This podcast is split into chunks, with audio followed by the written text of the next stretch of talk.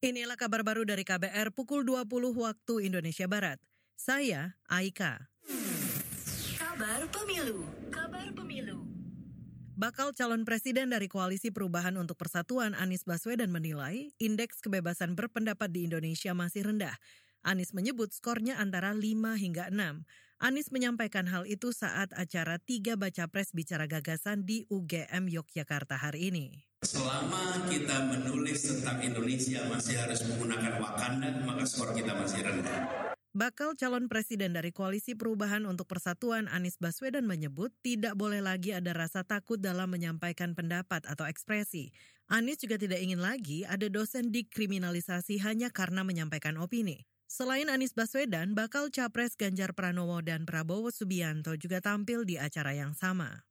Kita beralih ke informasi lain, Saudara. Persekutuan Gereja-Gereja di Indonesia PGI menyebut alotnya pembahasan syarat pendirian rumah ibadah pada rancangan peraturan Presiden Raperpres tentang pemeliharaan kerukunan umat beragama. Menurut Sekretaris Eksekutif Bidang Keadilan dan Perdamaian PGI, Hendrik Lokra, syarat harus menyertakan daftar nama minimal 90 jemaat dan persetujuan minimal dari 60 warga masyarakat setempat sering kali mempersulit pendirian rumah ibadah. Bagian besar sih sudah, cuman itu tadi di yang saya katakan di persiapan 90 60 itu kan ada sebagian besar menghendaki aspirasi publik ya. Supaya hmm. kalau bisa itu kan dihapus saja. Cuma kan tidak mudah juga untuk menghapus itu. Jadi kami main kami baik dari PGI, KWI dan beberapa majelis agama lain itu coba untuk menegosiasi di prasyarat itu menjadi 60 40 itu sebagai usulan. Cuman prosesnya di draft yang terakhir yang hasil pertemuan kami itu dengan Wamenkumham paham itu sepertinya belum. Sekretaris Eksekutif Bidang Keadilan dan Perdamaian PGI, Hendrik Lokra menambahkan,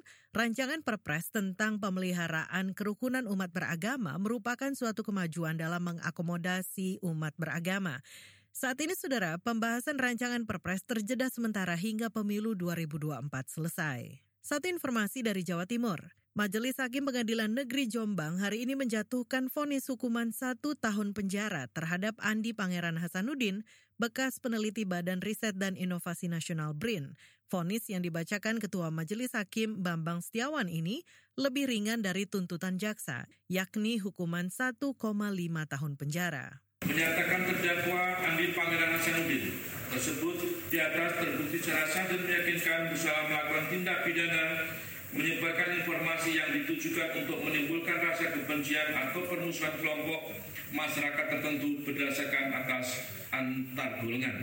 Sebagaimana dalam dakwaan alternatif pertama. Dua, menjatuhkan pidana kepada terdakwa oleh karena itu dengan pidana penjara selama satu tahun dan pidana denda sebanyak 10 juta rupiah. Dalam amar putusan, Andi Pangeran terbukti melakukan tindak pidana. Andi ditangkap Bares Krim Polri setelah postingannya dilaporkan ke polisi.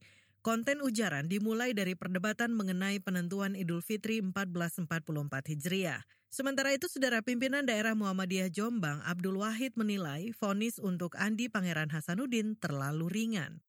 Inilah kabar baru dari KBR pukul 20 waktu Indonesia Barat. Saya Aika.